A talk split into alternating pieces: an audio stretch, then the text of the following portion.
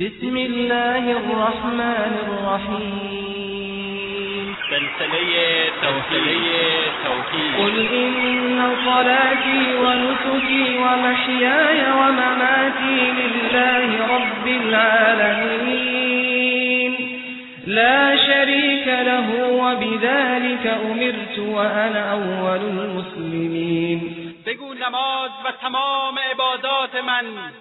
و زندگی و مرگ من همه برای الله پروردگار جهانیان است.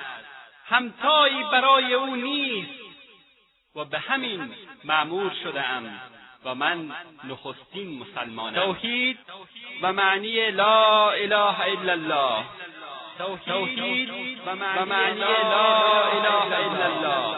الله خالق و روزی دهنده و بخشنده تمامی نعمتها و یکتا و یگانه هست پس چگونه انسان به خود اجازه می‌دهد که به سوی مخلوقی همچون خود متوجه شود؟ آیا می‌دانید برای چه آفریده شده اید وما خلقت الجن والإنس إلا ليعبدون من جن و انس را نیافریدم جز برای اینکه عبادتم کنند. سلسله توحید. ایمان به لا اله الا الله یعنی اقرار به وحدانیت الله سبحانه و تعالی. ایمان به لا اله الا الله یعنی تصدیق به قلب. ایمان به لا اله الا الله یعنی عمل به لا اله الا الله. ایمان به لا اله الا الله دعوت همه پیامبران الهی. تنها معمن تسکین دردها لا اله الا الله تنها راه نجات انسان. توحید تنها راه نجات انسان. لا اله الا الله است. توحید اولین و اساسی ترین شرط رستگاری و رسیدن به کمال معنوی است. توحید مهمترین موضوع مطرح شده در همه کتابهای آسمانی و مخصوصا قرآن مجید توحید تنها هدف بعثت انبیا و دعوت مشترک همه پیامبران از آدم تا خاتم علیهم السلام بوده أرسلنا من قبلك من رسول إلا نوحي إليه أنه لا إله إلا أنا فاعبدون. و ما هیچ رسولی را به رسالت نفرستادیم جز آن که به او وحی کردیم که به جز من الهی نیست. تنها مرا به یکتایی پرستش کنید و بس. سلسله توحید. همه موجودات و فرشتگان و انسانهای با عقل و دانش به یگانگی او جل جلاله اعتراف می‌کنند شهد الله أنه لا إله إلا هو والملائكة وأولو العلم قائما بالقسط. لا إله إلا هو العزيز الحكيم گواهی داد الله به یکتایی خود که جز او هیچ معبودی نیست. و فرشتگان و صاحبان علم و دانش نیز به یکتایی او گواهی دادند. تدبیر کننده عالم است به عدل یا همواره برپا دارنده عدل و داد است. جز او که توانا و حکیم است هیچ معبودی نیست. لا اله الا الله رکن اول و اساسی دین مبین اسلام است. پیامبر محبوبمان محمد مصطفی صلی الله علیه و آله و صحبی و سلم میفرمایند اساس و پایههای اسلام بر پنج چیز استوار گردیده اول گواهی دادن به اینکه هیچ معبود و اله به حقی غیر از الله یکتا و بی همتا نیست و اینکه محمد صلی الله علیه و آله و سلم فرستاده الله است. دوم و برپا داشتن نماز. سوم و پرداخت و ادای زکات. چهارم روزه ماه مبارک رمضان. پنجم و حج بیت الله برای کسی که توانایی داشته باشد. تنها اعتقاد به لا اله الا الله و عمل به آن است که انسان را به رضای الهی و بهشت جاوید میرساند.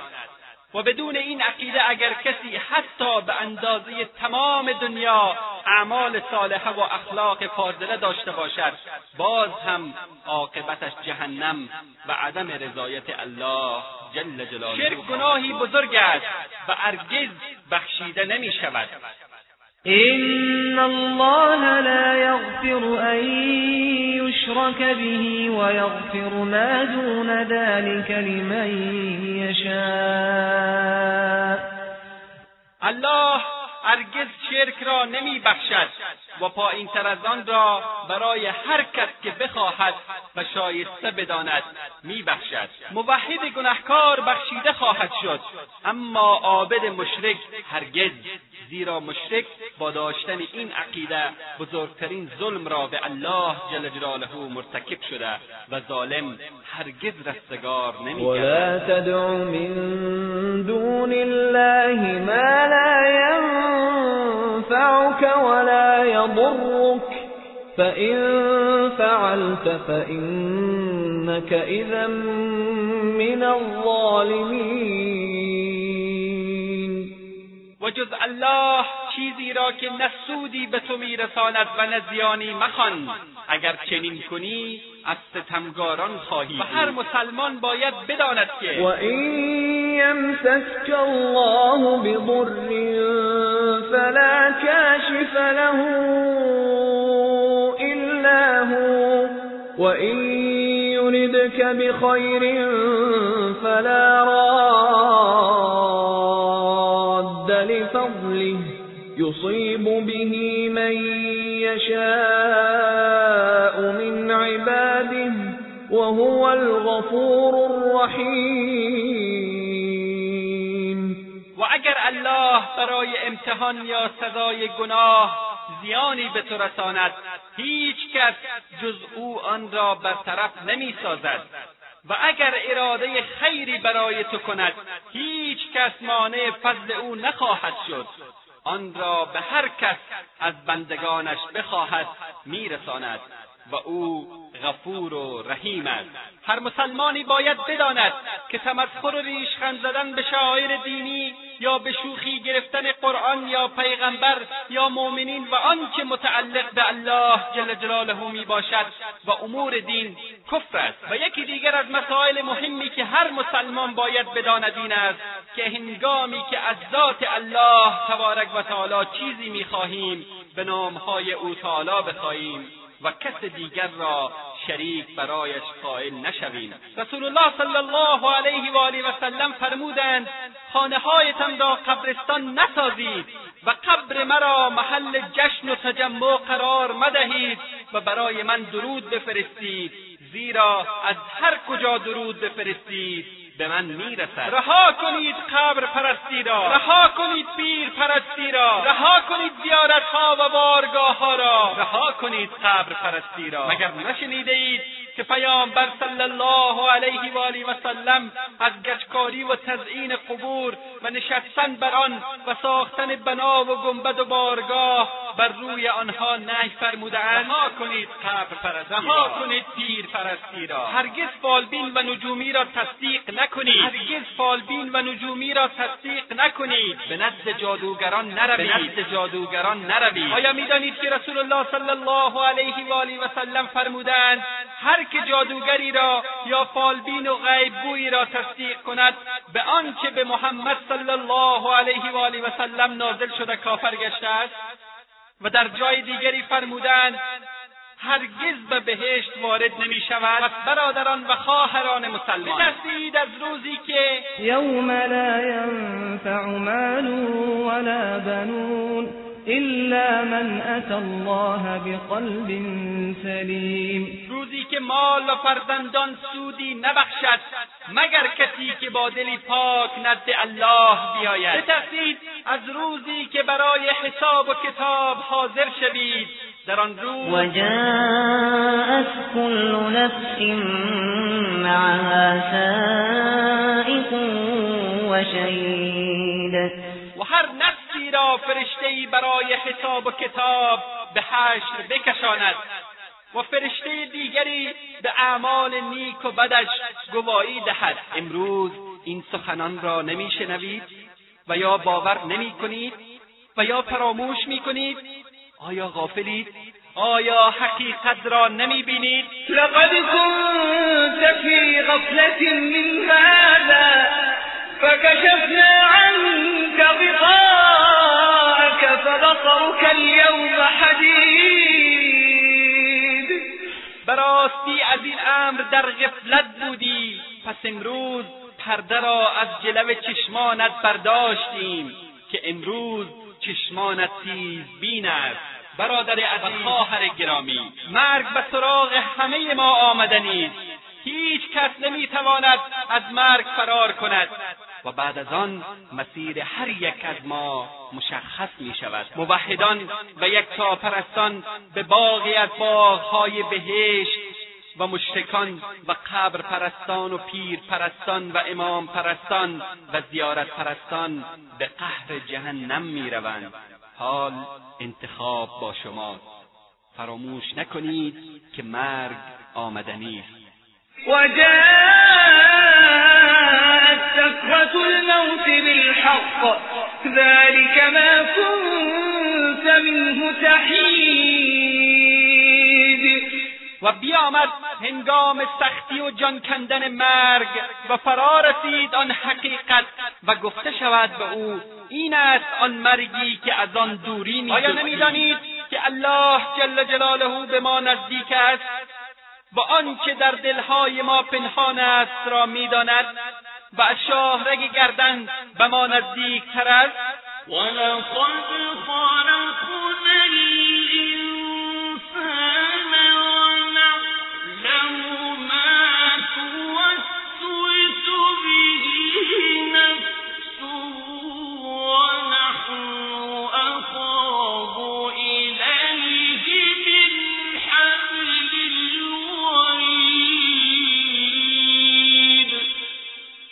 و ما انسان را خلق نمودیم و ما از وسوسه ها و اندیشه های نفس او کاملا آگاهیم و نزدیکترین به او از شاهرگ گردنش. پس هرگز او را فراموش نکنید. خالق فقط الله است. رازق فقط الله است. کمک کننده فقط الله است. مشکل گشا فقط الله است. حاجت بسم الله الرحمن الرحیم. الحمد لله رب العالمين والصلاة والسلام على سيد الأنبياء والمرسلين وعلى آله وأصحابه ومن دعا بدعوته إلى يوم الدين. أما بعد برادران و خواهران مؤمن مسلمان السلام علیکم و رحمت الله و برکاته هدف از آفرینش زمین و آسمان و جن و انسان و فرشته و حیوانات و همه موجودات توحید و یکتاپرستی ذات یگانه الله جل جلاله می باشد. یعنی ذات یگانه او را شناختن و او تعالی را به یگانگی پرستیدن و تنها از او کمک خواستن. الله جل جلاله در آیات متعددی این موضوع را به طور واضح و روشن و آشکار بیان نموده است. الله تبارک و تعالی میفرماید و ما خلقت الجن والانس الا لیعبدون. من جن و انس را نیافریدم جز برای اینکه عبادتم کنند. یعنی جن و انس را برای هیچ هدفی جز اینکه مرا پرستش نمایند نیافریدم. این آیه بیانگر توحید است زیرا گذشتگان نیک امت آن را چنین تفسیر کردند. که لیعبدون یعنی لیوحدون تا مرا به وحدانیت بشناسند. بنابراین در میابیم که هدف از بعثت پیامبران نیز توحید عبادت بوده است. عبادت یعنی خضوع و فروتنی و تسلیم شدن همراه با محبت و اطاعت یعنی پیروی از دستورات و ممنوعات بر اساس محبت و ترس و امید. شیخ الاسلام رحمت الله علیه میفرماید عبادت اسمی است که در برگیرنده مجموعه گفتار و کردار ظاهری و باطنی که الله جل جلاله دوست دارد و میپسندد. پس آیه دلالت دارد به اینکه لزوما باید هر گونه عبادت فقط برای الله جل جلاله انجام بشود و نه برای کسی دیگری. توحیدی که کتاب الله جل جلاله از آن سخن می‌گوید بر سه قسم است. اول توحید ربوبیت. دوم توحید الوهیت. سوم توحید اسما و صفات. توحید ربوبیت یعنی یگانه دانستن الله عزوجل در افعالش. افعال الله عزوجل بسیار زیاد می باشد که از جمله می‌توان به خلقت روزی دادن و زنده کردن و میراندن اشاره کرد که الله عزوجل در همه اینها یگانه کامل است. توحید الوهیت یعنی پرستیدن امراه محبت و تعظیم که مربوط به توحید الله عزوجل به وسیله فعل بنده است. توحید اسما و صفات یعنی بنده معتقد باشد که الله عزوجل در اسما و صفات خیش یگانه است و نظیر و همتایی ندارد. همین اقسام سگانه توحید را به شکل مفصل خدمت شما برادران و خواهران عزیز بیان می نماییم زیرا متاسفانه در این مورد کمتر صحبت شده است و خیلی از مسلمانان کمتر در این باره معلومات دارند و کوشش خواهیم کرد که اعمال ضد توحید را که همانا شرک است برای شما عزیزان بیان نماییم و همه می‌دانیم که شرک یعنی شریک گرفتن با الله جل جلاله در ربوبیت یا عبادت یا اسما و صفات. اما سخن ما بیشتر از شرک در عبادت و توحید الله عزوجل خواهد بود. باید گفت که در پرتو آیات و احادیث در میابیم که شرک از یک نگاه بر دو قسم است شرک اکبر و شرک اصغر و در تقسیم دیگر نوع سومی نیز بر آن افزوده شده است که آن را شرک خفی می‌گویند. شرک اکبر عبارت است از پرستش غیر الله یا انجام دادن پاره ای از عبادات برای غیر الله و یا قرار دادن شریک در عبادت الله و این نوع شرک انسان را از دایره اسلام خارج می سازد. شرک اصغر آن است که شریعت آن را شرک نامیده است ولی به حدی نیست که با شرک اکبر برابری بکند و شرک خفی یا پنهان مانند ریا و تظاهر و غیره شرک اکبر دو نوع است شرک اکبر آشکار و شرک اکبر پنهان مثال شرک اکبر آشکار مانند پرستش بتها قبرها و مردگان. شرک اکبر پنهان مانند شرک منافقین یا توکل کنندگان بر پیران یا مردگان یا چیزهای دیگر. و شرک اصغر مانند پوشیدن انگشتر و مهره شفا و نخ و قسم خوردن به غیر الله جل جلاله. در این راستا و در بیان معنی واقعی عبادت الله عزوجل به یگانگی و بیان معنی واقعی لا اله الا الله و آنچه مخالف با آن است و اموری که با ایمان به لا اله الا الله منافات دارد سلسله توحید را که شامل شش نوار کست می باشد خدمت برادران و خواهران مسلمان خود تقدیم می کنیم.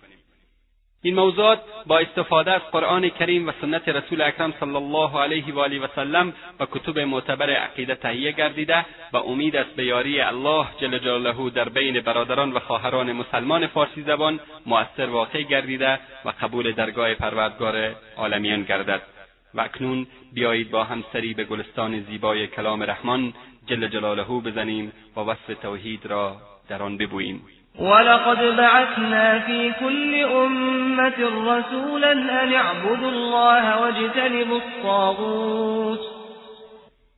ما در هر امتی رسولی برانگیختیم که الله یکتا را بپرستید و از طاغوت اجتناب کنید. این آیه معنی توحید و عبادت را میرساند و در آن تصریح شده که پیامبران با این دو جمله فرستاده شدهاند اعبدوا الله الله را بپرستید. اجتنب الطاغوت از پرستش طاغوت پرهیز نمایید که یعنی معنی توحید هم امین است. جمله اول اثبات توحید و جمله دوم نفی شرک است. کلمه طاغوت از تقیان یعنی تجاوز کردن از حد گرفته شده است. و در های دیگر میفرماید وقضى ربك الا تعبدوا الا اياه وبالوالدين احسانا. و پروردگارت فرمان داده. جز او را نپرستید و به پدر و مادر نیکی کنید. همچنین خداوند تبارک و تعالی فرموده است قل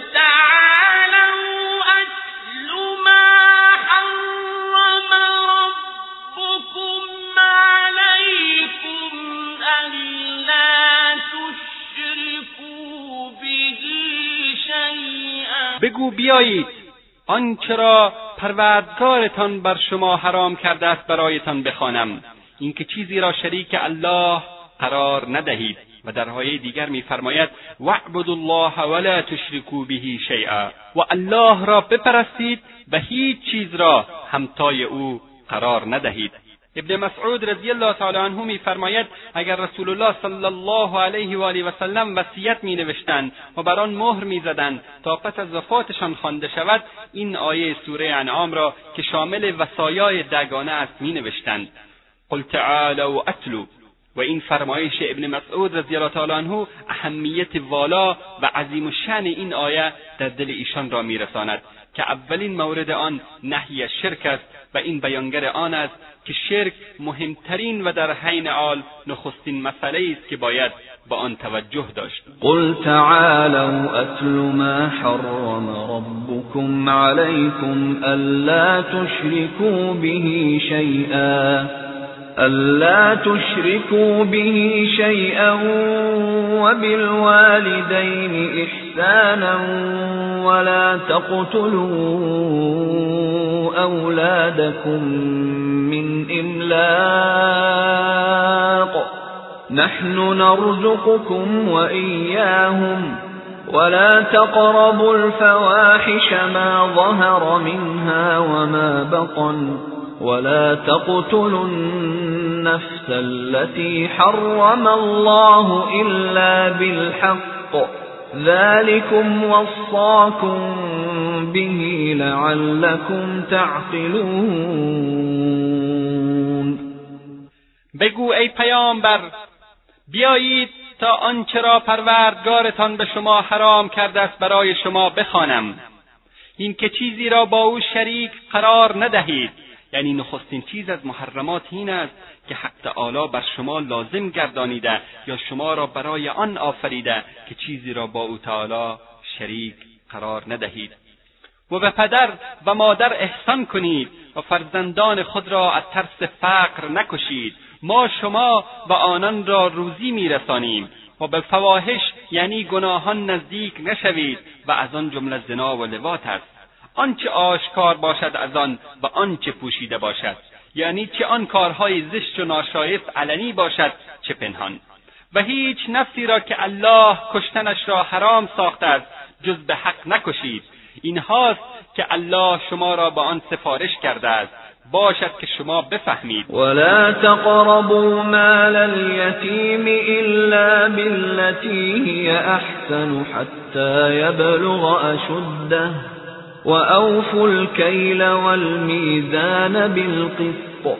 لا نكلف نفسا إلا وسعها.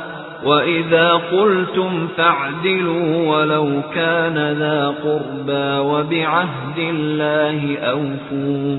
ذلكم وصاكم به لعلكم تذكرون. و به مال یتیم نزدیک نشوید مگر به نحوهی که ارچی نیکوتر باشد تا زمانی که به حد رشد خود برسد و پیمانه و ترازو را به قسط یعنی به عدالت تمام در خرید و فروش وزن کنید هیچ کس را جز به قدر توانش تکلیف نمی کنیم و چون سخن گویید پس انصاف را رعایت کنید. اجحاف و ستم روان ندارید بلکه در میان مردم به عدل و داد رفتار کنید. هرچند صاحب قرابت باشد یعنی با عدل و داد و انصاف با مردم رفتار کنید ولو که از قوم شما باشند و به عهد الله وفا کنید. اینها که ذکر شد از محرمات است.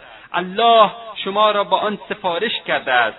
باشد که پند گیرید. و ان هذا صراطی مستقیما فاتبعوه فاتبعوه ولا تتبعوا السبل فتفرق بكم عن سبيله. ذلكم وصاكم به لعلكم تتقون.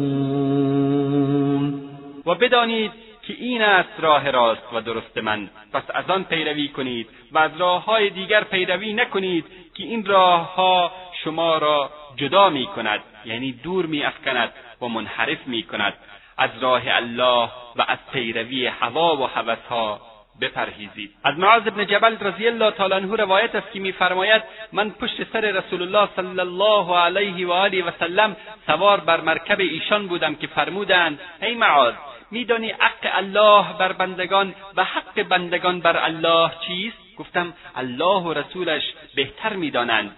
فرمودند حق الله بر بندگانش این است که او را بپرستند و به او چیزی را شریک نسازند و حق بندگان بر الله این است که عذاب ندهد کسی را که به او چیزی را شریک نگرفته است.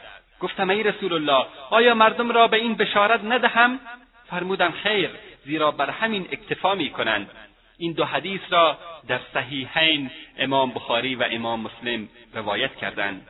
و مسئله دوم این که عبادت و توحید واقعی بدون کفر ورزیدن به طاغوت محقق نمی شود چنانچه در این آیه مبارک ذکر شده است. فمن یکفر بالطاغوت و یؤمن بالله فقد استمسک بالعروة الوثقا پس هر کس به طاغوت کفر ورزد. طاغوت یعنی کاهن شیطان بود و هر سردمداری که در عرصه گمراهی هستند.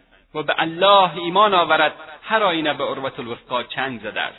مراد از عروت الوثقا در اینجا وسیله نجات است و طاغوت آمد.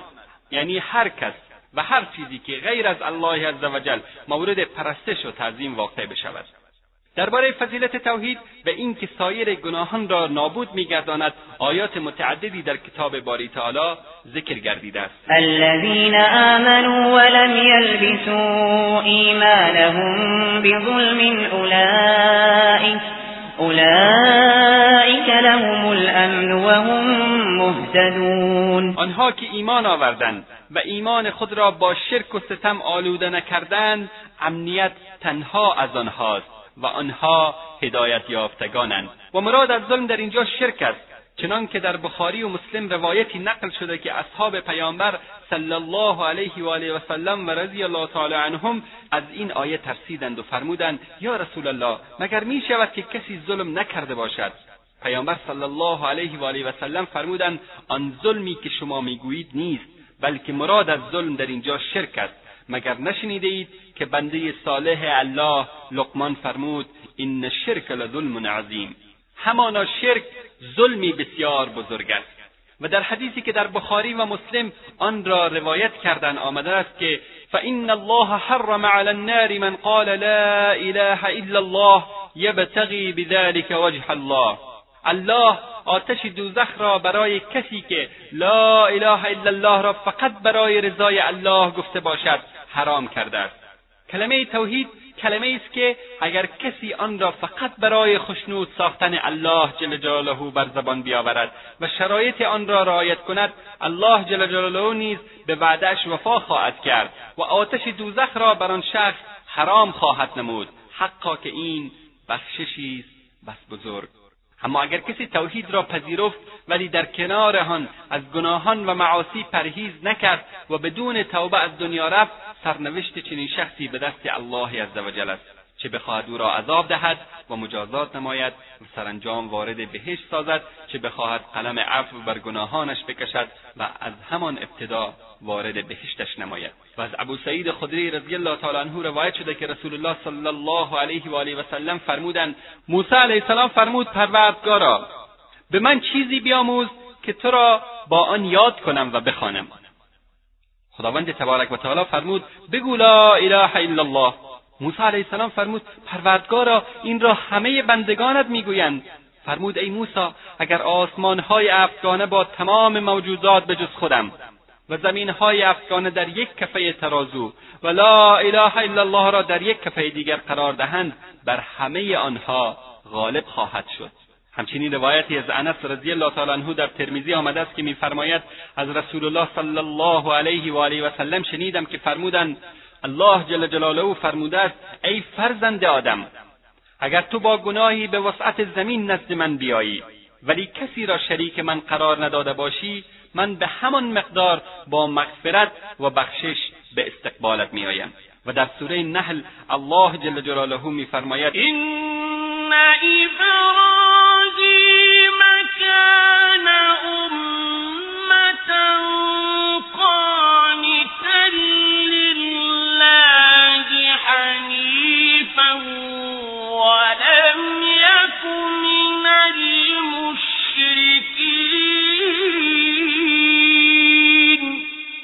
ابراهیم به تنهایی امتی بود مطیع فرمان الله خالی از هر گونه انحراف و از مشرکان نبود. همچنان فرموده است والذین هم بآیات ربهم یؤمنون والذین هم بربهم لا یشرکون. و آنها که به آیات پروردگارشان ایمان میآورند و آنها که به پروردگارشان شرک نمیورزند. اما این قول خداوند تبارک و تعالی که میفرماید والذین هم بربهم لا یشرکون نفی هر گونه شرک است. یعنی هیچ گونه شرکی را مرتکب نمی‌شوند. نه شرک اکبر و نه شرک اصغر و نه شرک پنهانی را. کسی که شرک نمیآورد موحد واقعی است. پس الان نتیجه می‌گیریم. کسی که از همه انواع شرک کاملا به دور باشد پس این شخص از شرک به دور نمیماند. مگر به خاطر توحیدش. از حسین ابن عبدالرحمن رحمت الله علیه روایت است که فرمود من نزد سعید ابن جبیر بودم که فرمود چه کسی از شما پار ستاره را که دیشب سقوط کرد دیده است؟ گفتم من دیدم. البته من در حال ادای نماز نبودم بلکه حشره زهراگین به من نیش زده بود. فرمود آنگاه چه کردی؟ گفتم رقیه خواندم یعنی دم و دعا می کردم فرمود چرا رقیه خواندی؟ گفتم به خاطر حدیثی که شنیده بودم. فرمود چه حدیثی؟ گفتم که از بریده ابن حصیب رضی الله تعالی عنه نقل می کنند که فرموده است رقیه خواندن جایز نیست مگر در دو مورد در چشم زخم یعنی نظر شدن و در گزیدن حشرات. سعید فرمود کار خوبی است که انسان چیزی را که شنیده است بدون کم و کاست بیان کند. ولی ما روایتی از ابن عباس داریم که رسول الله صلی الله علیه و آله و سلم فرمودند در شب معراج امتها بر من عرضه شد. می‌دیدم که با هر یک از انبیا گروهی از پیروانشان هستند و با بعضی یک نفر و دو نفر بودند و با بعضی هیچ کس نبود. آنگاه جمعیت انبوهی به من نشان داده شد. فکر کردم که امت من هستند. به من گفتند این موسی است با قومش. دوباره نگاه کردم. دیدم جمعیت انبوه دیگری است. به من گفتند اینها امت تو می باشند. و امراه آنان هفتاد هزار نفر چنینند که بدون اینکه از آنها حسابی گرفته شود یا عذاب داده شوند وارد بهشت می‌شوند پیامبر صلی الله علیه و آله و سلم این را فرمودند و برخواستند و به خانه خیش تشریف بردند. حاضران به اظهار نظر پیرامون این گروه پرداختند. بعضی گفتند اینها اصحاب پیامبر صلی الله علیه و آله و سلم خواهند بود. عدهای می‌گفتند شاید کسانی باشند که در اسلام متولد شده و اصلا شرک نورزیدند. خلاصه اینکه هر کسی چیزی گفت تا اینکه رسول الله صلی الله علیه و آله و سلم دوباره تشریف آوردند و از ماجرا با خبر شدند.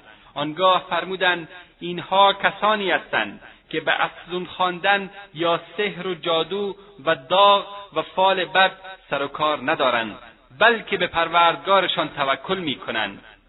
و کاشه ابن محسن رضی الله تعالی عنه برخواست و فرمود از الله بخواهید که مرا از جمله آنان قرار دهد. رسول الله صلی الله علیه و آله و سلم فرمودند تو از آنانی. فرد دیگری بلند شد و فرمود از الله بخواهید که مرا نیز از آنان بگرداند.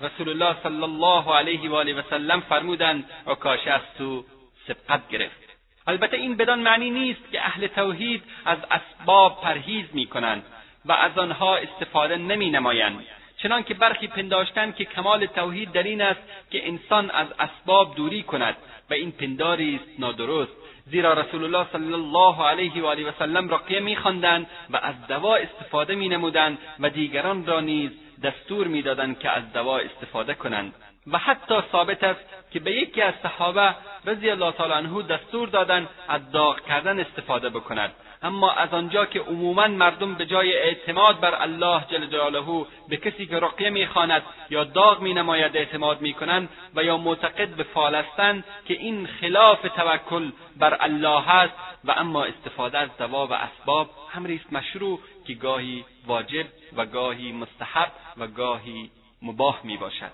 چنانکه رسول الله صلی الله علیه و آله و سلم فرمودند بندگان الله از دوا استفاده کنید و هرگز از دوای حرام استفاده ننمایید.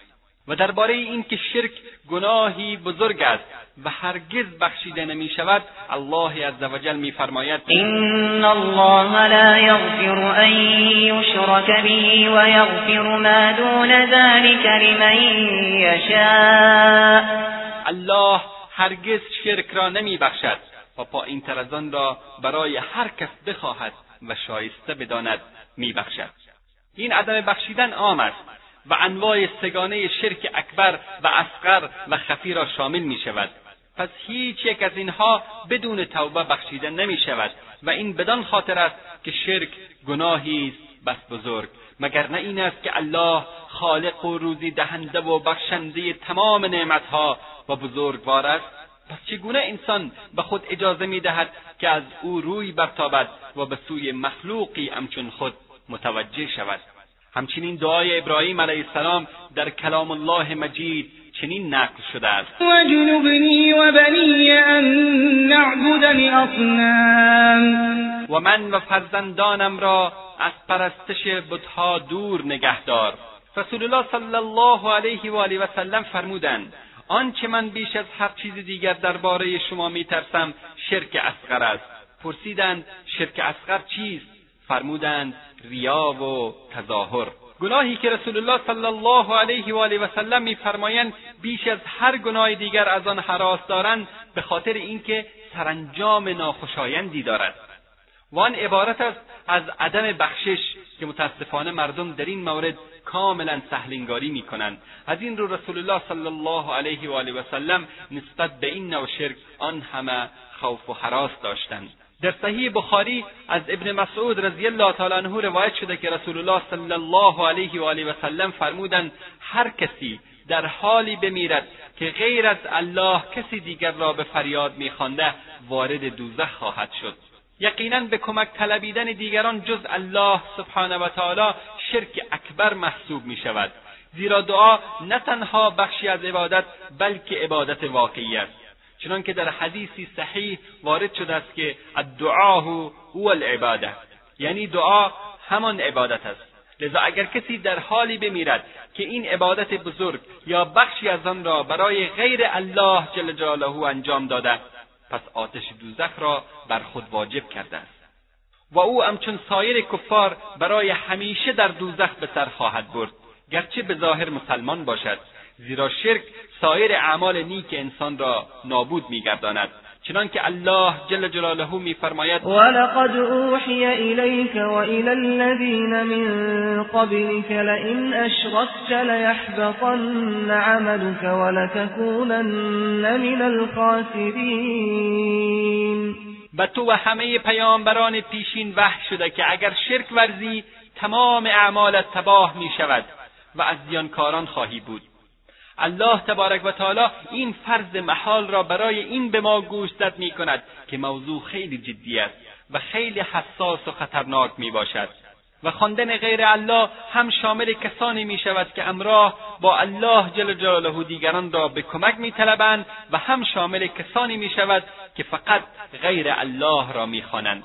از جابر رضی الله تعالی عنه روایت است که رسول الله صلی الله علیه و آله و سلم فرمودند من لقی الله لا یشرک به شیئا دخل الجنه و من لقیه یشرک به دخل النار. هر کسی الله جل جلاله را در حالی ملاقات بکند که با او شریک نگرفته باشد وارد بهشت می شود.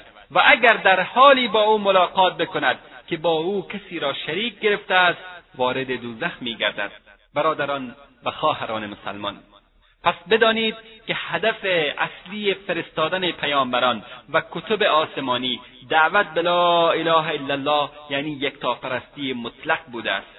الله جل جلاله میفرماید. قل هذه سبیلی ادعو الى الله ادعو الى الله على بصیرة انا ومن اتبعنی وسبحان الله وما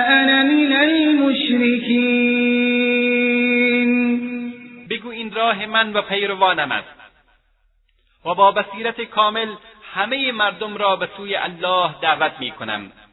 پاک و منزه است الله و من از مشرکان نیستم. و در بخاری و مسلم از ابن عباس رضی الله تعالی عنه روایت است که رسول الله صلی الله علیه و آله و سلم وقتی معاذ ابن جبل رضی الله تعالی عنه را به یمن فرستادند فرمودند تو نزد قومی از اهل کتاب می‌روی نخستین چیزی که آنها را بدان دعوت می‌دهی گواهی دادن به لا اله الا الله و یگانگی الله باشد. و طبق روایتی فرمودند تا این که به یگانگی الله جل جلاله اقرار کنند. اگر این را از تو پذیرفتند به اطلاعشان برسان که الله جل جلاله در شبان روز پنج وقت نماز را بر آنان فرض کرده است. و اگر این را هم پذیرفتند به اطلاعشان برسان که الله جل جلاله زکات را بر آنان فرض ساخته است که از ثروتمندانشان گرفته و به فقرا و تهیدستانشان داده شود. اگر پذیرفتند پس از گرفتن عمدهترین مالهایشان پرهیز کن و از آه مظلوم بترس که بین فریاد او و بین الله پرده و حجابی نیست. و باز هم در بخاری و مسلم از سهل ابن سعد رضی الله تعالی عنه روایت است که رسول الله صلی الله علیه و آله و سلم در جریان غزوه خیبر فرمودند فردا پرچم جهاد را به مردی خواهم داد که الله و رسولش را دوست دارد و آنها نیز او را دوست می‌دارند و الله به دست او خیبر را فتح خواهد کرد. اصحاب رضی الله عنهم اجمعین شب را در حالی سپری کردند که در مورد شخصی که پرچم را به دست خواهد گرفت اظهار نظر می نمودند. صبح روز بعد همه نزد رسول الله صلی الله علیه و آله و سلم حاضر شدند و هر یک امیدوار بود که پرچم به دست او داده شود. رسول الله صلی الله علیه و آله و سلم فرمودند علی کجاست؟ گفتند به خاطر بیماری چشمانش نتوانست حاضر بشود. دستور دادند که علی حاضر شود. او را آوردند رسول الله صلی الله علیه و آله و سلم مقداری از آب دهن مبارک خیش را به چشمان علی رضی الله تعالی عنه مالیدند. ایشان فورا شفا یافت. طوری که گویا اصلا چنین مشکلی نداشته است.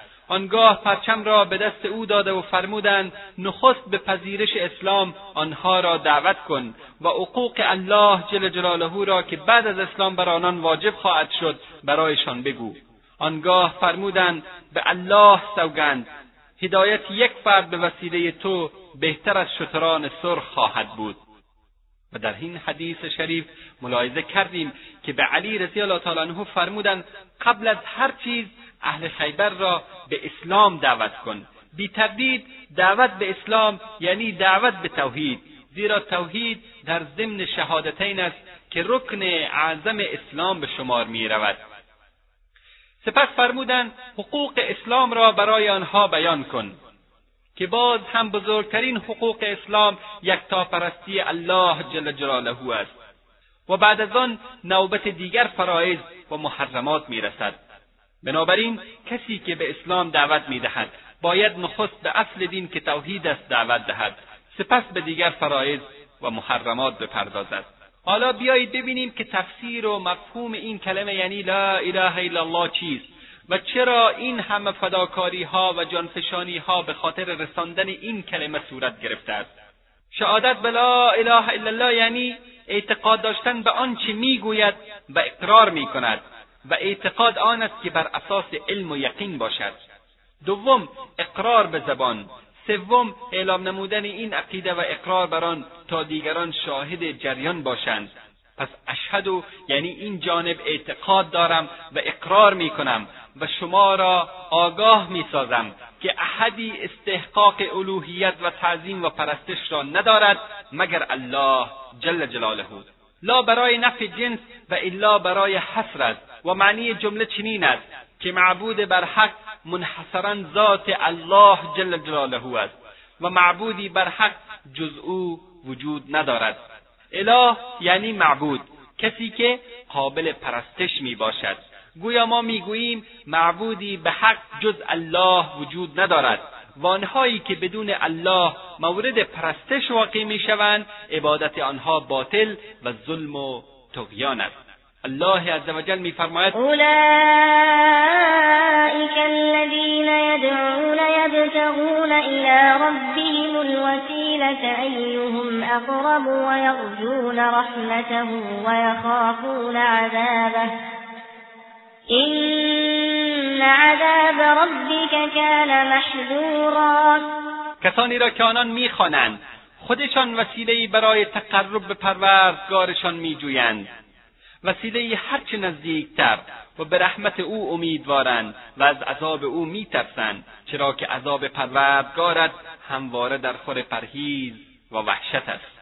اولئک الذین یدعون یعنی کسانی را که اینها عبادت می‌کنند خود شدیدا نیازمند پروردگارشان هستند و نیازهای خود را آنجا برطرف می‌کنند و به سوی کسی دیگر برای نفع نیازهایشان متوجه نمی‌شوند. اینجا لفظ ربوبیت آمده است زیرا اجابت دعا و قبول توبه جزو ربوبیت است.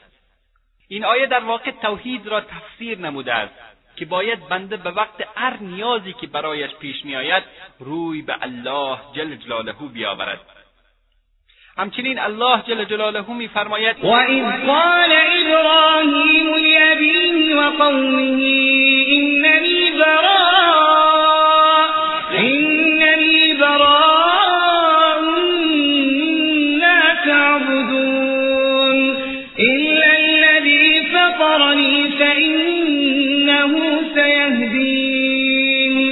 به خاطر بیاوره محمد انگامی را که ابراهیم به پدرش آذر و قومش فرمود من از آنچه شما میپرستید بیزارم مگر آن کسی که مرا آفریده که او هدایتم خواهد کرد. همچنین خداوند تبارک و تعالی میفرماید اتخذوا احبارهم و رهبانهم اربابا من دون الله. آنها دانشمندان و راهبان خیش را معبودهایی در برابر الله قرار دادند. ارباب جمع رب است و در اینجا رب به معنی معبود است. یعنی آنها پیشوایان دینی و دراویش خود را معبود قرار دادند و در حلال و حرام از آنها پیروی می‌کردند. همچنین خداوند تبارک و تعالی میفرماید و من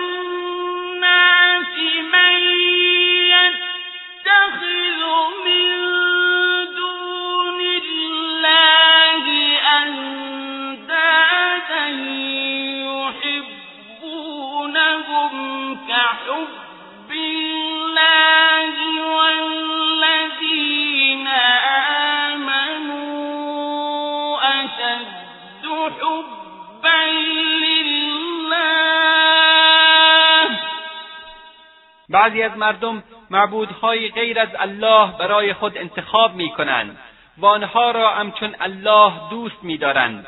اما آنها که ایمان دارند محبتشان به الله از مشکان نسبت به معبودهایشان شدیدتر است.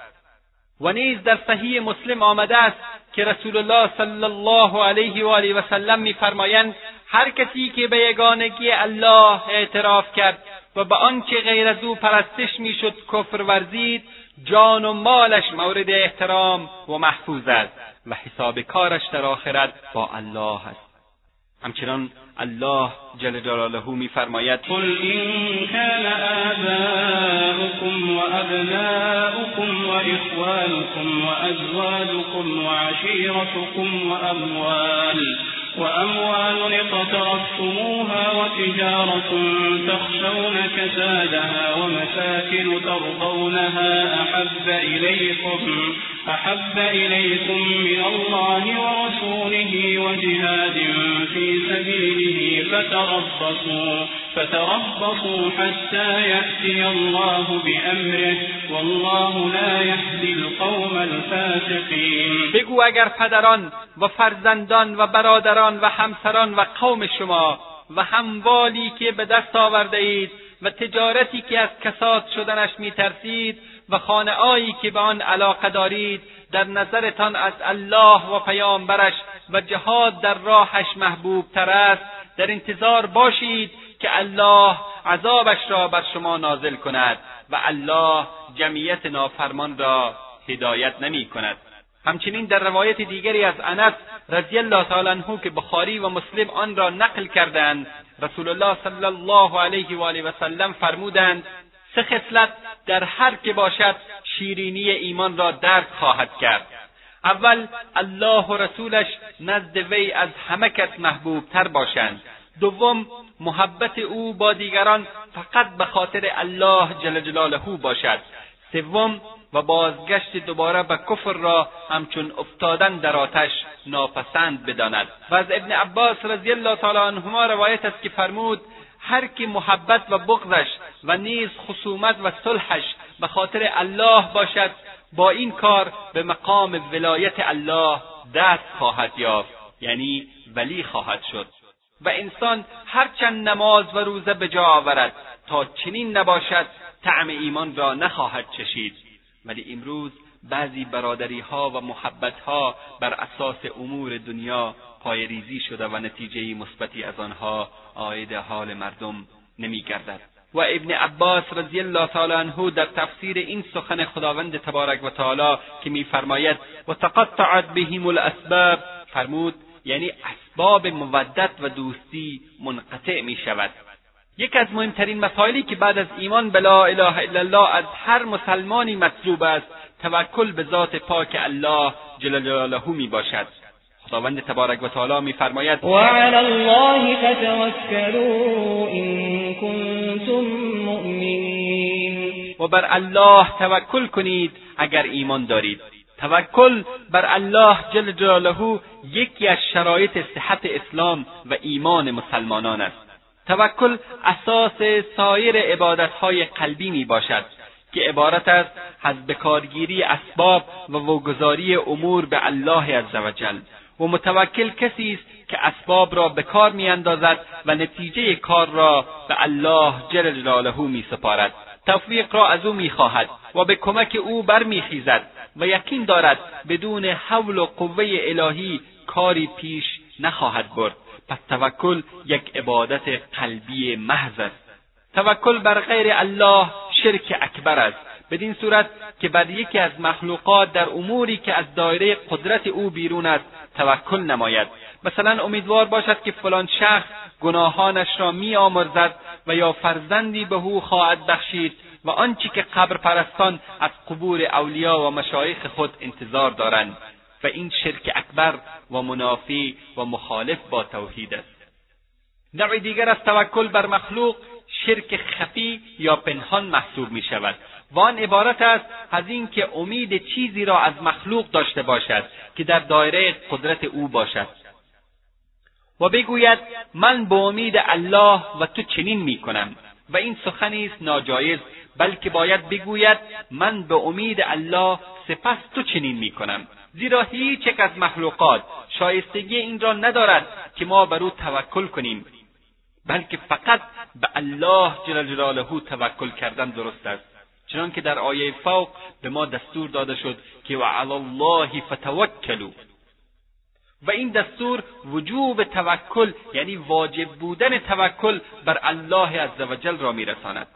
پس واجب است توکل را که نوع عبادت است فقط به الله اختصاص بدهیم و کسی را با او در توکل شریک نسازیم. چنانکه در آخر آیه فرموده است این کنتم مؤمنین. پس اگر واقعا مؤمن هستید فقط بر الله جل جلاله توکل نمایید یکی دیگر از نشانهای ایمان ترس از الله عزوجل می باشد انما المؤمنون الذين اذا ذكر الله وجلت قلوبهم. مؤمنان تنها کسانی هستند که هرگاه نام الله برده شود دلهایشان ترسان میگردد.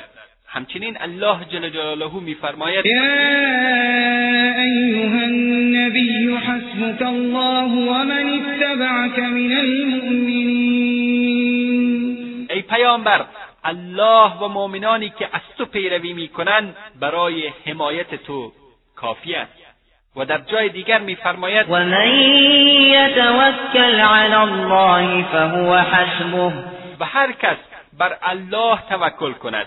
و کار خود را به او واگذارد الله کفایت امرش را می کند باید گفت که توکل بستگی به ایمان و درک انسان از توحید ربوبیت دارد. باید دید که توحید و عظمت الله جل جلاله تا چه میزان در قلب جای گرفته است. هرچه بیشتر به ملکوت الله در آسمانها بیندیشیم. دانش ما در مورد اینکه الله جل جلاله چرخاننده نظام بزرگ و پیچیده هستی می باشد افزایش خواهد یافت. آنگاه پی می‌بریم که برای چنین خالق توانایی یاری رساندن به این بنده ناچیز کار دشواری نیست و بدین صورت در مقابل عظمت الله جل جلاله زانو زده و بر او توکل می نماییم.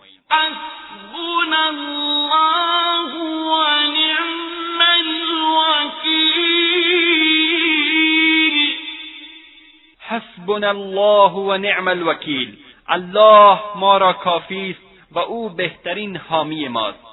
سخنی عظیم و پربار و شعار هر مسلمان و مؤمن است. حقا اگر بنده با امید بر الله جل جلاله توکل نماید الله عزوجل نیز برای او از خلال مصائب و مشکلات مختلف راه خروجی پیدا خواهد کرد. از ابن عباس رضی الله تعالی عنهما روایت است که فرمود ابراهیم علیه السلام وقتی در آتش انداخته شد فرمود حسبنا الله و نعم الوکیل. الله ما را کافی است و او بهترین حامی ماست. وقتی که به محمد صلی الله علیه و آله و سلم گفتند الذين قال لهم الناس ان الناس قد جمعوا لكم فاخشوهم ان الناس قد جمعوا لكم فاخشوهم فزادهم ایمانا وقالوا یعنی مردم علیه شما جمع شدند از آنها بترسید.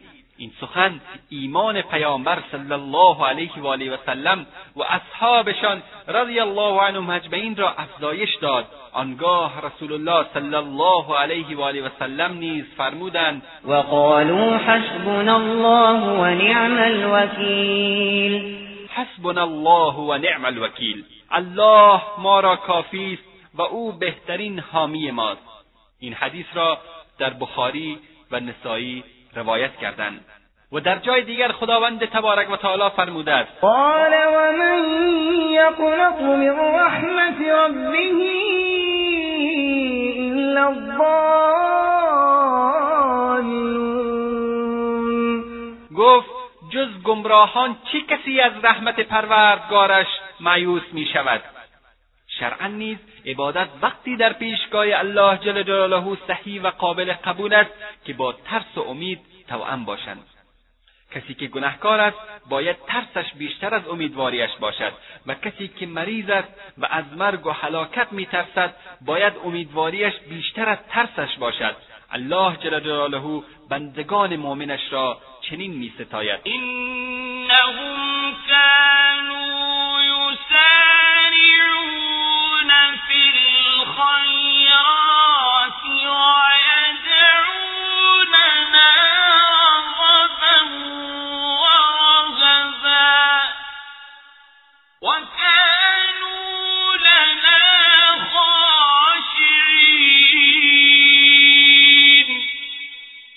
آنان همواره در کارهای خیر به سرعت اقدام می‌کردند و در حال بیم و امید ما را میخواندند و پیوسته برای ما خاضع و فروتن و خاشع بودند. و از ابن عباس رضی الله تعالی عنه روایت است که از رسول الله صلی الله علیه و آله و سلم در مورد گناهان کبیره پرسیدند. فرمودند شرک ورزیدن به الله و ناامیدی از رحمتش و ایمن بودن از مکر و مؤاخذه الله. و نیز از ابن مسعود رضی الله تعالی عنه روایت است که فرمود بزرگترین گناهان کبیره عبارتند از شرک ورزیدن به الله تصور ایمن بودن از محاسبه و مؤاخذه الله و ناامید شدن از رحمتهای الله. و از دیگر علامات ایمان به لا اله الا الله صبر بر آنچه الله تقدیر نموده است می باشد صبر بر آنچه الله جل جلاله مقدر نموده است از شعبههای مهم ایمان و از مقامات رفیع و عبادات بزرگ است. صبر در ادای واجبات و خودداری از محرمات و منحیات و صبر در مقابل مصیبتهای تقدیری لازم و ضروری می باشد صبر یعنی زبان را از شکوه و گلایه و قلب را از بغض و نارضایتی و اعضا و جوارح را از عکس عملی که موجب نارضایتی پروردگار باشد مانند چاک کردن سینه و زدن به سر و صورت باید باز داشت. الله جل جلاله میفرماید. ومن يؤمن بالله يهد قلبه والله بكل شيء عليم. و هر کس به الله ایمان آورد الله قلبش را هدایت می کند و الله به هر چیز داناست. القمه رحمت الله علیه در تفسیر این آیت فرموده است یعنی وقتی مصیبتی به او می‌رسد او فورا متوجه می شود که از جانب الله است و راضی و تسلیم می گردد و در صحیح مسلم از ابو هریره رضی الله تعالی عنه روایت است که رسول الله صلی الله علیه و آله و سلم فرمودند دو خصلت در میان مردم از خصلتهای کفر باقی مانده است اول تن زدن به نسبها دوم نوحخانی بر مردگان همچنین در حدیث متفق علیه از ابن مسعود رضی الله تعالی عنه روایت است که رسول الله صلی الله علیه و آله و سلم فرمودند کسی که به سر و صورت خود بزند و گریبان پاره کند و سخنان جاهلی بر زبان بیاورد از ما نیست. و از انس رضی الله تعالی عنه روایت است که رسول الله صلی الله علیه و آله و سلم فرمودند وقتی الله به بنده ای اراده خیر بنماید در دنیا سزایش می‌دهد و اگر به بنده ای اراده بد بکند او را در مقابل گناهانش مؤاخذه نمی کند تا در قیامت به حساب او رسیدگی بکند. همچنین امام ترمیزی با تحسین از رسول الله صلی الله علیه و آله و سلم روایت کرده است که ایشان فرمودند پاداش بزرگ با مصیبت بزرگ امراه است و الله جل جلاله قومی را که دوست داشته باشد به مصیبت مبتلا می کند آنگاه هر که که راضی شد الله نیز از او راضی خواهد شد و هر که ناراضی بشود الله جل جلاله نیز از او ناراضی خواهد شد. همچنین ایمان به لا اله الا الله از ما می‌خواهد که به همه اسما و صفات ذات پاک الله جل جلاله ایمان داشته باشیم. و انکار یکی از اسما و صفات الهی کفری آشکار است. الله جل جلاله میفرماید. و هم یکفرون بالرحمن. قل هو ربی لا اله الا هو عليه توكلت و الیه متاب. در حالی که به رحمان خداوندی که رحمتش همگان را فرا گرفته است کفر میورزند. بگو او پروردگار من است. معبودی به حق جز او نیست. بر او توکل کردم و بازگشتم به سوی اوست. و در صحیح بخاری از علی رضی الله تعالی عنه روایت است که فرمود با مردم به ای سخن بگویید که بدانند شما چه می‌گویید. آیا دوست دارید که مردم الله و پیامبرش را تکذیب بکنند؟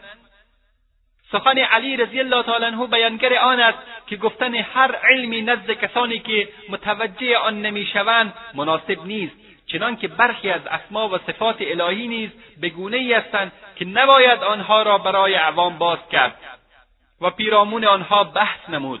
کافی است که به صورت اجمالی مطرح شوند تا مردم با آن ایمان داشته باشند.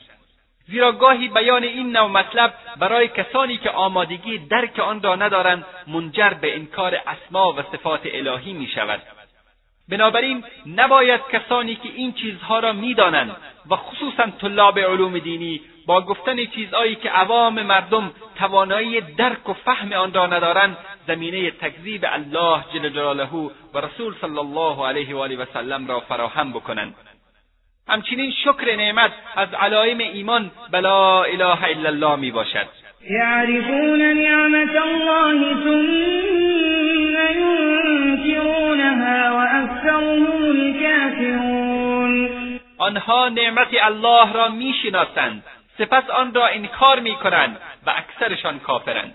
انسان باید بداند که تمام نعمتهایی که از آن برخوردار است از جانب الله جل جلاله می باشند.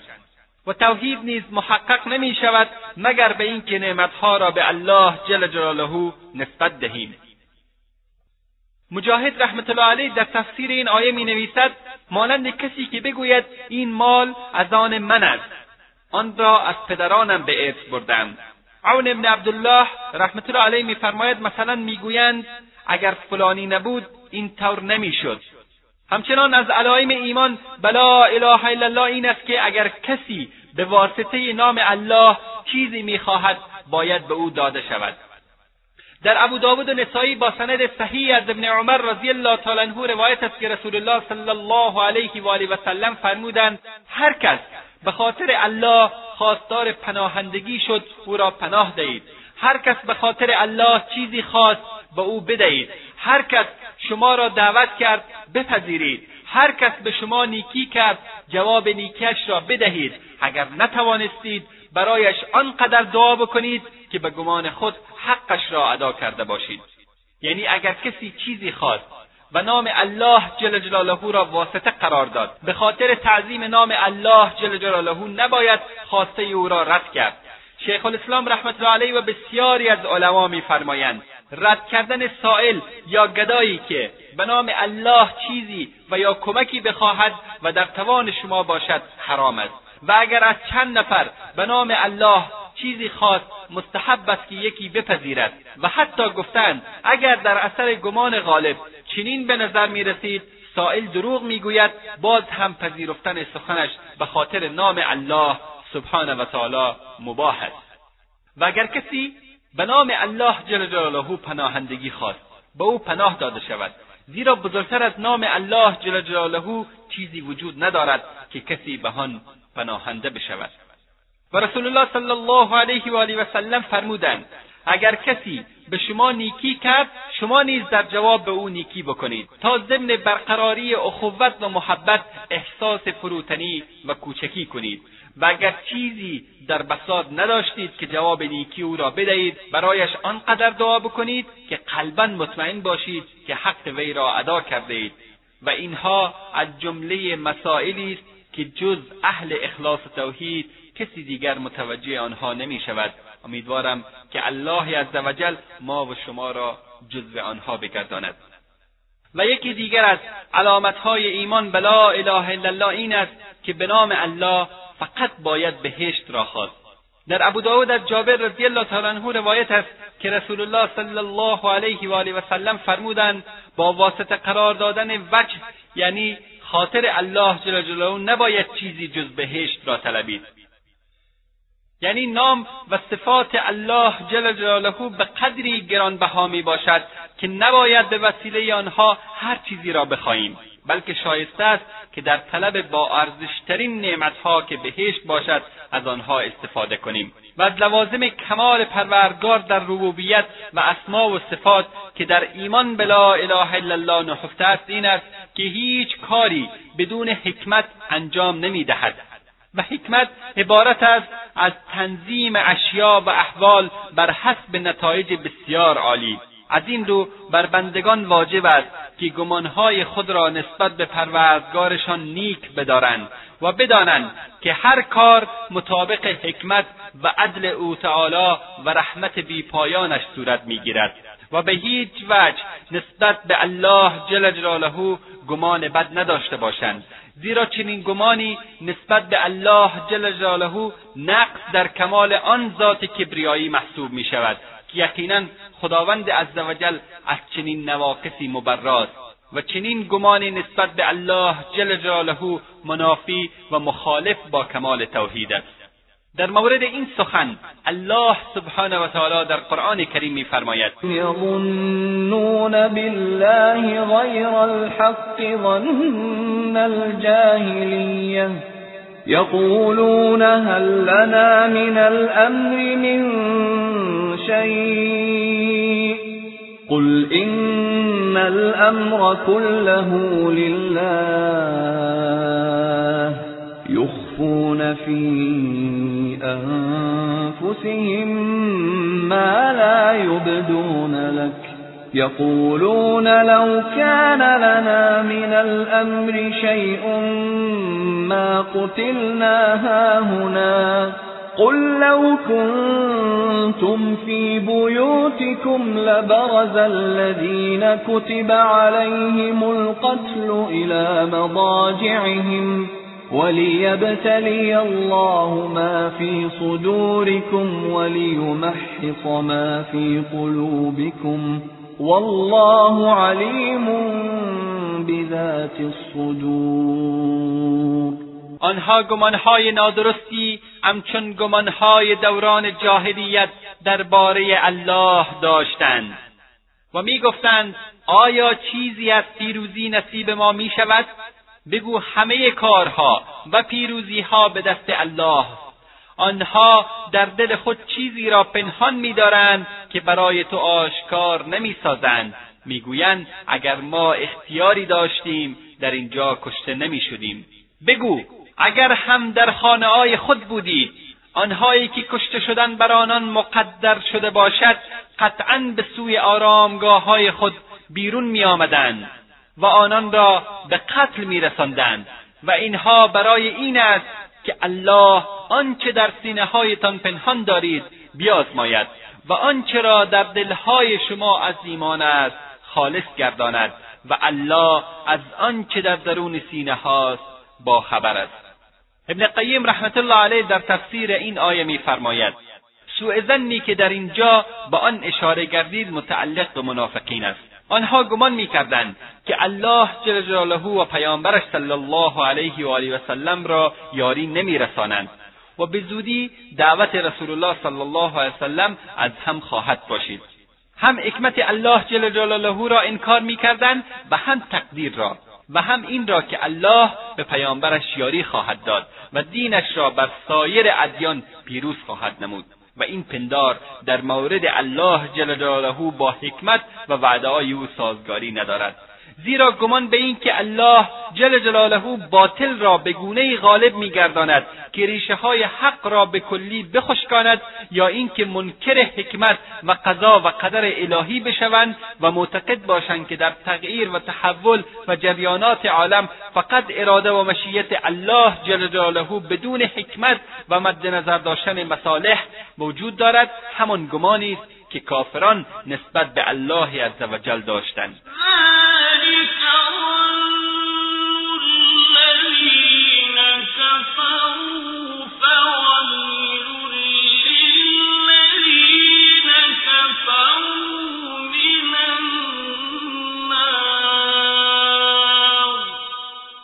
این گمان کافران است. وای بر کافران از آتش دوزخ. امروز بیشتر مردم در مسائل و حوادثی که اتفاق میافتد در مورد الله جل جلاله سوء زن و گمان بد پیدا می‌کنند. و از این بیماری در همان نخواهند بود مگر کسی که واقعا الله جل جلاله را با اسما و صفاتش بشناسد و بداند که کارهای او تعالی از حکمت و مصلحت قوی سرچشمه می‌گیرد. و اگر شما اوضاع اعتقادی مردم را بررسی کنید در خواهید یافت که از تقدیر شکوه و گلایه دارند و خود را سرزنش می‌کنند که باید چنین و چنان می‌کردیم و از بود و نبود می‌گویند و اگر و مگرهای بسیار. و اکنون تو ای برادر و خواهر مسلمان به درون خود نظری بینداز و ببین اوضاع خودت چطور است. آیا از این بیماری ها سالم هستی؟ در اذان مشرکین چنین وسوسه می‌شد که کارهای الله جل جلاله از روی حساب و حقانیت انجام نمی‌گیرد. به خاطر همین می‌گفتند هل لنا من الامر من شیء و این سخنشان نوعی اعتراض بر الله و انکار حکمت و تقدیر وی بود. بسیاری از مردم خود را مسلمان قلمداد می‌کنند. اما چون در مورد الله و اسما و صفاتش علم و آگاهی کافی ندارند و در مورد صبر و پاداش بزرگ آن چیزی نمی‌دانند به همان بدگمانی های جاهلی نسبت به الله جل جلاله دچار می‌شوند. پس میطلبد که انسان مسلمان اسما و صفات الله جل جلاله را دقیق بداند و قلبش را نسبت به الله جل جلاله پاک بگرداند. و بر او اعتماد داشته باشد که خداوند حق است و کارهایش از روی حساب و کتاب و حقیقت است. این حسن زن و اعتقاد را به وقت مصیبتهای بزرگ نیز محفوظ داشته باشد. و یکی دیگر از ضروریات ایمان به لا اله الا الله قبول نمودن قضا و قدر می باشد ابن عمر رضی الله تعالی عنه میفرماید سوگند به کسی که جان من در دست اوست. که اگر یکی به اندازه کوی احد طلا داشته باشد و همه را در راه الله جل جلاله انفاق بکند تا به مسئله قضا و قدر ایمان نیاورد پذیرفته نخواهد شد.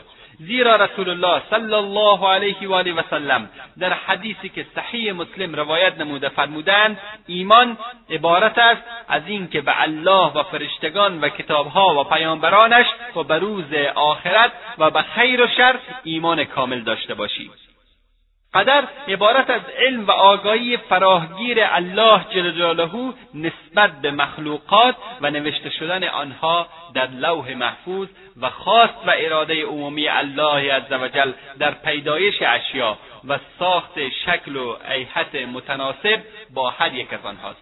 افعال بندگان نیز از مخلوقات الله جل جلاله می باشد چنان که میفرماید الله خالق كل شيء وهو على كل شيء وكيل. الله آفریدگار همه چیز است. و در جای دیگر به صراحت فرموده است که والله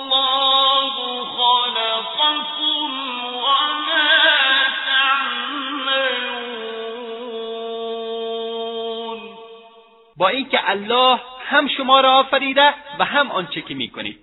از عباد بن صامت رضی الله تعالی عنه روایت است که به فرزندش فرمود ای پسر طعم ایمان را نخواهی چشید تا اینکه یقین داشته باشی. به اینکه مصیبتی که دچار آن می‌شوی غیر ممکن بود که از تو بگذرد. و آنچه که از آن نجات یافتی مقدر نبود که به تو برسد. و من از رسول الله صلی الله علیه و آله و سلم شنیدم که فرمودند اولین چیزی که الله آفرید قلم بود. آنگاه فرمود تقدیر همه چیز را تا قیامت بنویس. فرزندم همچنین از رسول الله صلی الله علیه و آله و سلم شنیدم که فرمودند هر کس بر غیر این عقیده بمیرد از من نیست. یعنی از امت محمد صلی الله علیه و آله و سلم نمی باشد. این کار نمودن تقدیر الهی گاهی کفر محسوب می شود و این وقتی است که شخص علم فراگیر الله و یا نوشتن مقادیر را در لوح محفوظ انکار کند و گاهی بدعت است و منافی با توحید و این وقتی است که اراده و مشیعت عمومی الله جل جلاله را انکار نماید. مفهوم سخن ابن عمر رضی الله تعالی عنهما این است که پذیرش اعمال صالح مشروط بر این است که شخص به تقدیر الهی ایمان داشته باشد. به خاطر اینکه عمل نیک فقط از مسلمانان پذیرفته می شود و کسی که تقدیر را انکار بکند مسلمان نیست پس عمل او پذیرفته نمی شود حتی اگر به اندازه کوه احد طلا نفقه نماید. یعنی طلا در راه خداوند تبارک و تعالی صدقه و خیرات بدهد. و در مسند و سنن از ابن دیلمی رحمت الله علیه روایت شده است که ایشان نزد ابی بن کعب رضی الله تعالی عنه رفت و فرمود در دل من اندکی شبهه در مورد تقدیر پدید آمده است. در این مورد چیزی بگو تا قلبم شفا حاصل بکند. ابی ابن کعب رضی الله تعالی عنه فرمود اگر به اندازه کوی احد طلا انفاق نمایی الله تو نمیپذیرد تا اینکه به تقدیر ایمان داشته باشی. و آنچه به تو اصابت کرده نباید از تو میگذشت و آنچه از تو میگذرد نباید به تو اصابت می‌کرد. و اگر بر غیر از این عقیده بمیری از دوزخیان خواهی بود. ابن دیلمی می‌گوید سپس نزد عبدالله ابن مسعود و حذیفه ابن یمان و زید ابن ثابت رضی الله عنهم اجمعین رفتم. آنها نیز از رسول الله صلی الله علیه و آله و سلم همان چیزی را برایم گفتند که ابی ابن کعب رضی الله تعالی عنه گفته بود. این حدیث صحیح است که حاکم آن را نقل کرده است. زیرا که تقدیر اشیا بر اساس علم الله جل جلاله نوشته شده و تعیین گشته است. البته نباید فراموش کرد که از مقتضای ایمان به تقدیر این است که ایمان داشته باشی به اینکه الله جل جلاله تو را مختار آفریده و مجبور نکرده است و تکلیف شرعی نیز وظیفه انسان آزاد و مختار است. یکی دیگر از علامتهای ایمان به لا اله الا الله و از جمله عبادات قلبی ترس از الله جل جلاله است که کمال و نقصان آن در کمال و نقصان توحید مؤثر است. باید دانست که ترس از غیر الله گاهی شرک و گاهی حرام و گاهی مباح است. اول ترسی که موجب شرک می شود این است که شخصی از فلان پیر و فلان ولی و قبر فلان پیغمبر یا جن یا شیطان بترسد و بیم داشته باشد. که اگر از او برنجند باعث نابودیش میگردند. یا در مورد امور اخروی از او بترسند که مبادا فردای قیامت برای وی شفاعت نکنند و از عذاب الله نجاتش ندهند. این نوع ترس از مخلوقات در امور غیر طبیعی شرک است. دوم از ترس مخلوق مرتکب کارهای حرام بشوند و نتوانند به واجبات دینیشان عمل بکنند. این گونه ترس حرام و ناجایز است.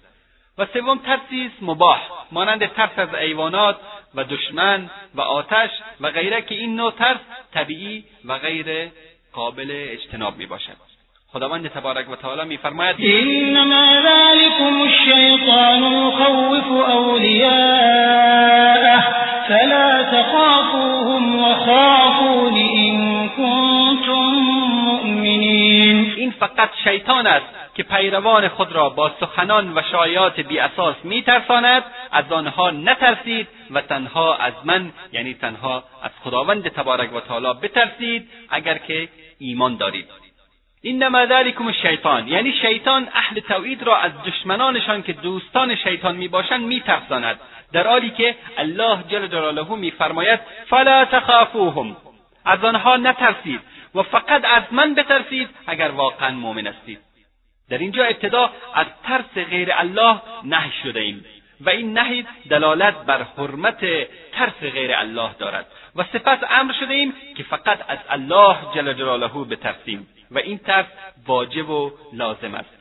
همچنین ارشاد خداوند تبارک و تعالی است. و من الناس من یقول آمنا بالله فإذا فإذا أوذي في الله جعل فتنة الناس كعذاب الله و از مردم کسانی هستند که می‌گویند به الله ایمان آورده ایم اما اینگامی که در راه الله شکنجه و آزار می‌بینند آزار مردم را همچون عذاب الهی میشمارند و از آن سخت وحشت می‌کنند. از ابو سعید خدری رضی الله تعالی عنه روایت است که رسول الله صلی الله علیه و آله و سلم فرمودند همانا از ضعف یقین است که مردم را در مقابل ناخشنودی الله خشنود سازید همچنین در مقابل روزی که الله به تو عنایت فرموده از مردم تشکر بکنی. و یا در مقابل آنچه که به تو نداده مردم را نکوهش کنی. زیرا روزی مقرر شده از جانب الله جل جلاله با حرص و آزمندی به دست نمیآید و با کراهیت مردم بر نمیگردد عوامل ضعف ایمان که در حدیث فوق ذکر شده جزو محرمات هستند. زیرا گناه و معصیت ایمان را ضعیف می کند همانطور که طاعت و بندگی آن را تقویت می نماید و این یک اصل کلی است که خشنود ساختن کسی به گونه ای که الله جل جلاله ناراض بشود حرام و ناجایز و معصیت است. در صحیح ابن عبان از صدیقه بنت صدیق عایشه رضی الله تعالی عنها روایت است که رسول الله صلی الله علیه و آله و سلم فرمودند هر کس به خاطر خوشنودی الله جل جلاله مردم را برنجاند الله از او راضی می شود و مردم را نیز از او خشنود می سازد و هر کسی که به خاطر خوشنودی مردم الله جل جلاله را برنجاند الله از او ناراضی می شود و مردم را نیز از او ناراض می گرداند و به عنوان آخرین مطلب یکی از مهمترین علامات ایمان به لا اله الا الله را خدمت برادران و خواهران مسلمان بیان می‌کنیم که عبارت است از پرستش الله جل جلاله به یگانگی و شریک نگردانیدن کسی با ذات مقدس او تعالی. خداوند تبارک و تعالی میفرماید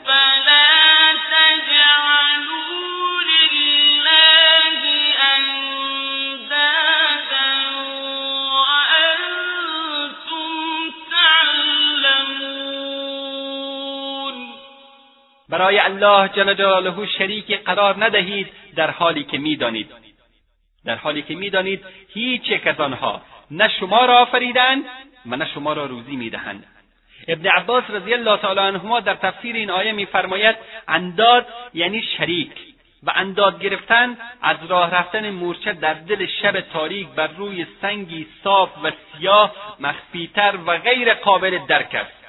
مثل اینکه بگویی به الله و به مرگ تو یا به خدا و مرگ فلانی. و یا مرگ خودم یا به جان خودم یا بگویی اگر این سگ نبود یا اینکه اگر مرغابی داخل خانه نبود و به صدا در نمی آمدند دزدا می آمدند یا مثل اینکه بگوید هرچه تو و خدا بخواهید و اینکه اگر فلانی و خدا نبود چنین و چنان می‌شد اینها همه شرک به الله جل جلاله می باشد. برادران و خواهران مسلمان حقیقت توحید این است که در قلب انسان بجز الله جل جلاله کسی دیگر جا نداشته باشد. از این رو قسم خوردن به غیر الله و گفتن این که هرچه خدا و فلانی بخواهد جایز نیست. و همچنین باید گفت که توحید دارای دو درجه می باشد. کمال توحید و آن عبارت است از اینکه در همه مناسبتها فقط نام الله بر زبان آورده شود. دوم پایینتر از درجه کمال. مثل اینکه نام الله را مستقلا بگیرد و پس از آن اگر فلانی چنین نمی‌کرد چنان می‌شد. و اما اینکه اسم فلانی را متصل با اسم الله بگیرد و یک فاصله مثل واو برای هر دو بیاورد جایز نیست. و در عربی وقتی اسم فلانی را بر اسم الله به وسیله واو عطف کند جایز نیست. اما با کلمه ثم یعنی سپس جایز است. در ابو داود با سند صحیح عزیفه رضی الله تعالی عنه از رسول الله صلی الله علیه و وسلم روایت می کند که فرمودند نگویید هرچه الله و فلانی بخواهد بلکه بگویید هرچه الله بخواهد و سپس فلانی بخواهد. زیرا کلمه ثم یعنی سپس یا باز بیانگر تأخیر است. یعنی اراده بنده پس از اراده الله جل جلاله و به تبعیت از آن است. چنان که خداوند تبارک و تعالی میفرماید و ما تشاءون الا ان یشاء الله رب العالمین. و شما اراده نمی کنید مگر اینکه الله پروردگار جهانیان اراده کند و بخواهد. و ترمیزی با تحسین و آکم با تصحیح از عمر ابن خطاب رضی الله تعالی عنه فاروق اعظم روایت کردند که رسول الله صلی الله علیه و آله و سلم فرمودند هر که به غیر الله سوگند یا قسم یاد کند شرک ورزیده است. سوگند یا قسم عبارت است از تاکید سخن به وسیله چیزی که در قلب گوینده و مخاطب بسیار عظیم باشد. با یک از حروف سگانه قسم که عبارتند از واو با و تا. مثلا به طور مثال بگوید والله بالله یا تالله. فقط باید به نام الله جل جلاله سوگند یاد کرد. زیرا حقیقتا تنها او با عظمت و بزرگ است. و کسی که غیر از الله سبحانه و تعالی را عظیم و بزرگ بداند و با آنها سوگند یاد بکند شرک ورزیده است. که این شرک گاهی اصغر و گاهی اکبر می باشد گاهی سخنانی که لفظا سوگند می باشند ولی هدف سوگند نیست به زبان می آید مانند سوگند یاد کردن به پیغمبر و کعبه و به پیر و ولی و پدر و مادر. اینها نیز شرک محسوب می شود زیرا بیانگر عظمت این اشیا و افراد در قلب گوینده است. و از ابراهیم نخعی به علیه نقل است که گفتن اعوذ بالله و بک یعنی به تو و الله پناه می‌برم را نمیپسندید. و گفتن بالله ثم بک یعنی به الله سپس به تو پناه می‌برم را جایز نمی‌دانست. همچنین گفتن اگر فلانی به الله نمی بود مثلا این طور نمی‌شد این را نیز نمیپسندید. اما گفتن اگر الله سپس فلانی نمی بود را جایز می‌دانست. در پایان از بارگاه رب العزت والجلال استدعا می کنیم که به ما و شما توفیق عنایت فرماید که پیروان واقعی لا اله الا الله باشیم و با ایمان آوردن کامل به این کلمه بزرگ و عظیم عملا از آن پیروی نماییم و الله تبارک و تعالی آخرین سخن ما در این دنیا و در انگام مرگ را لا اله الا الله محمد رسول الله قرار دهد.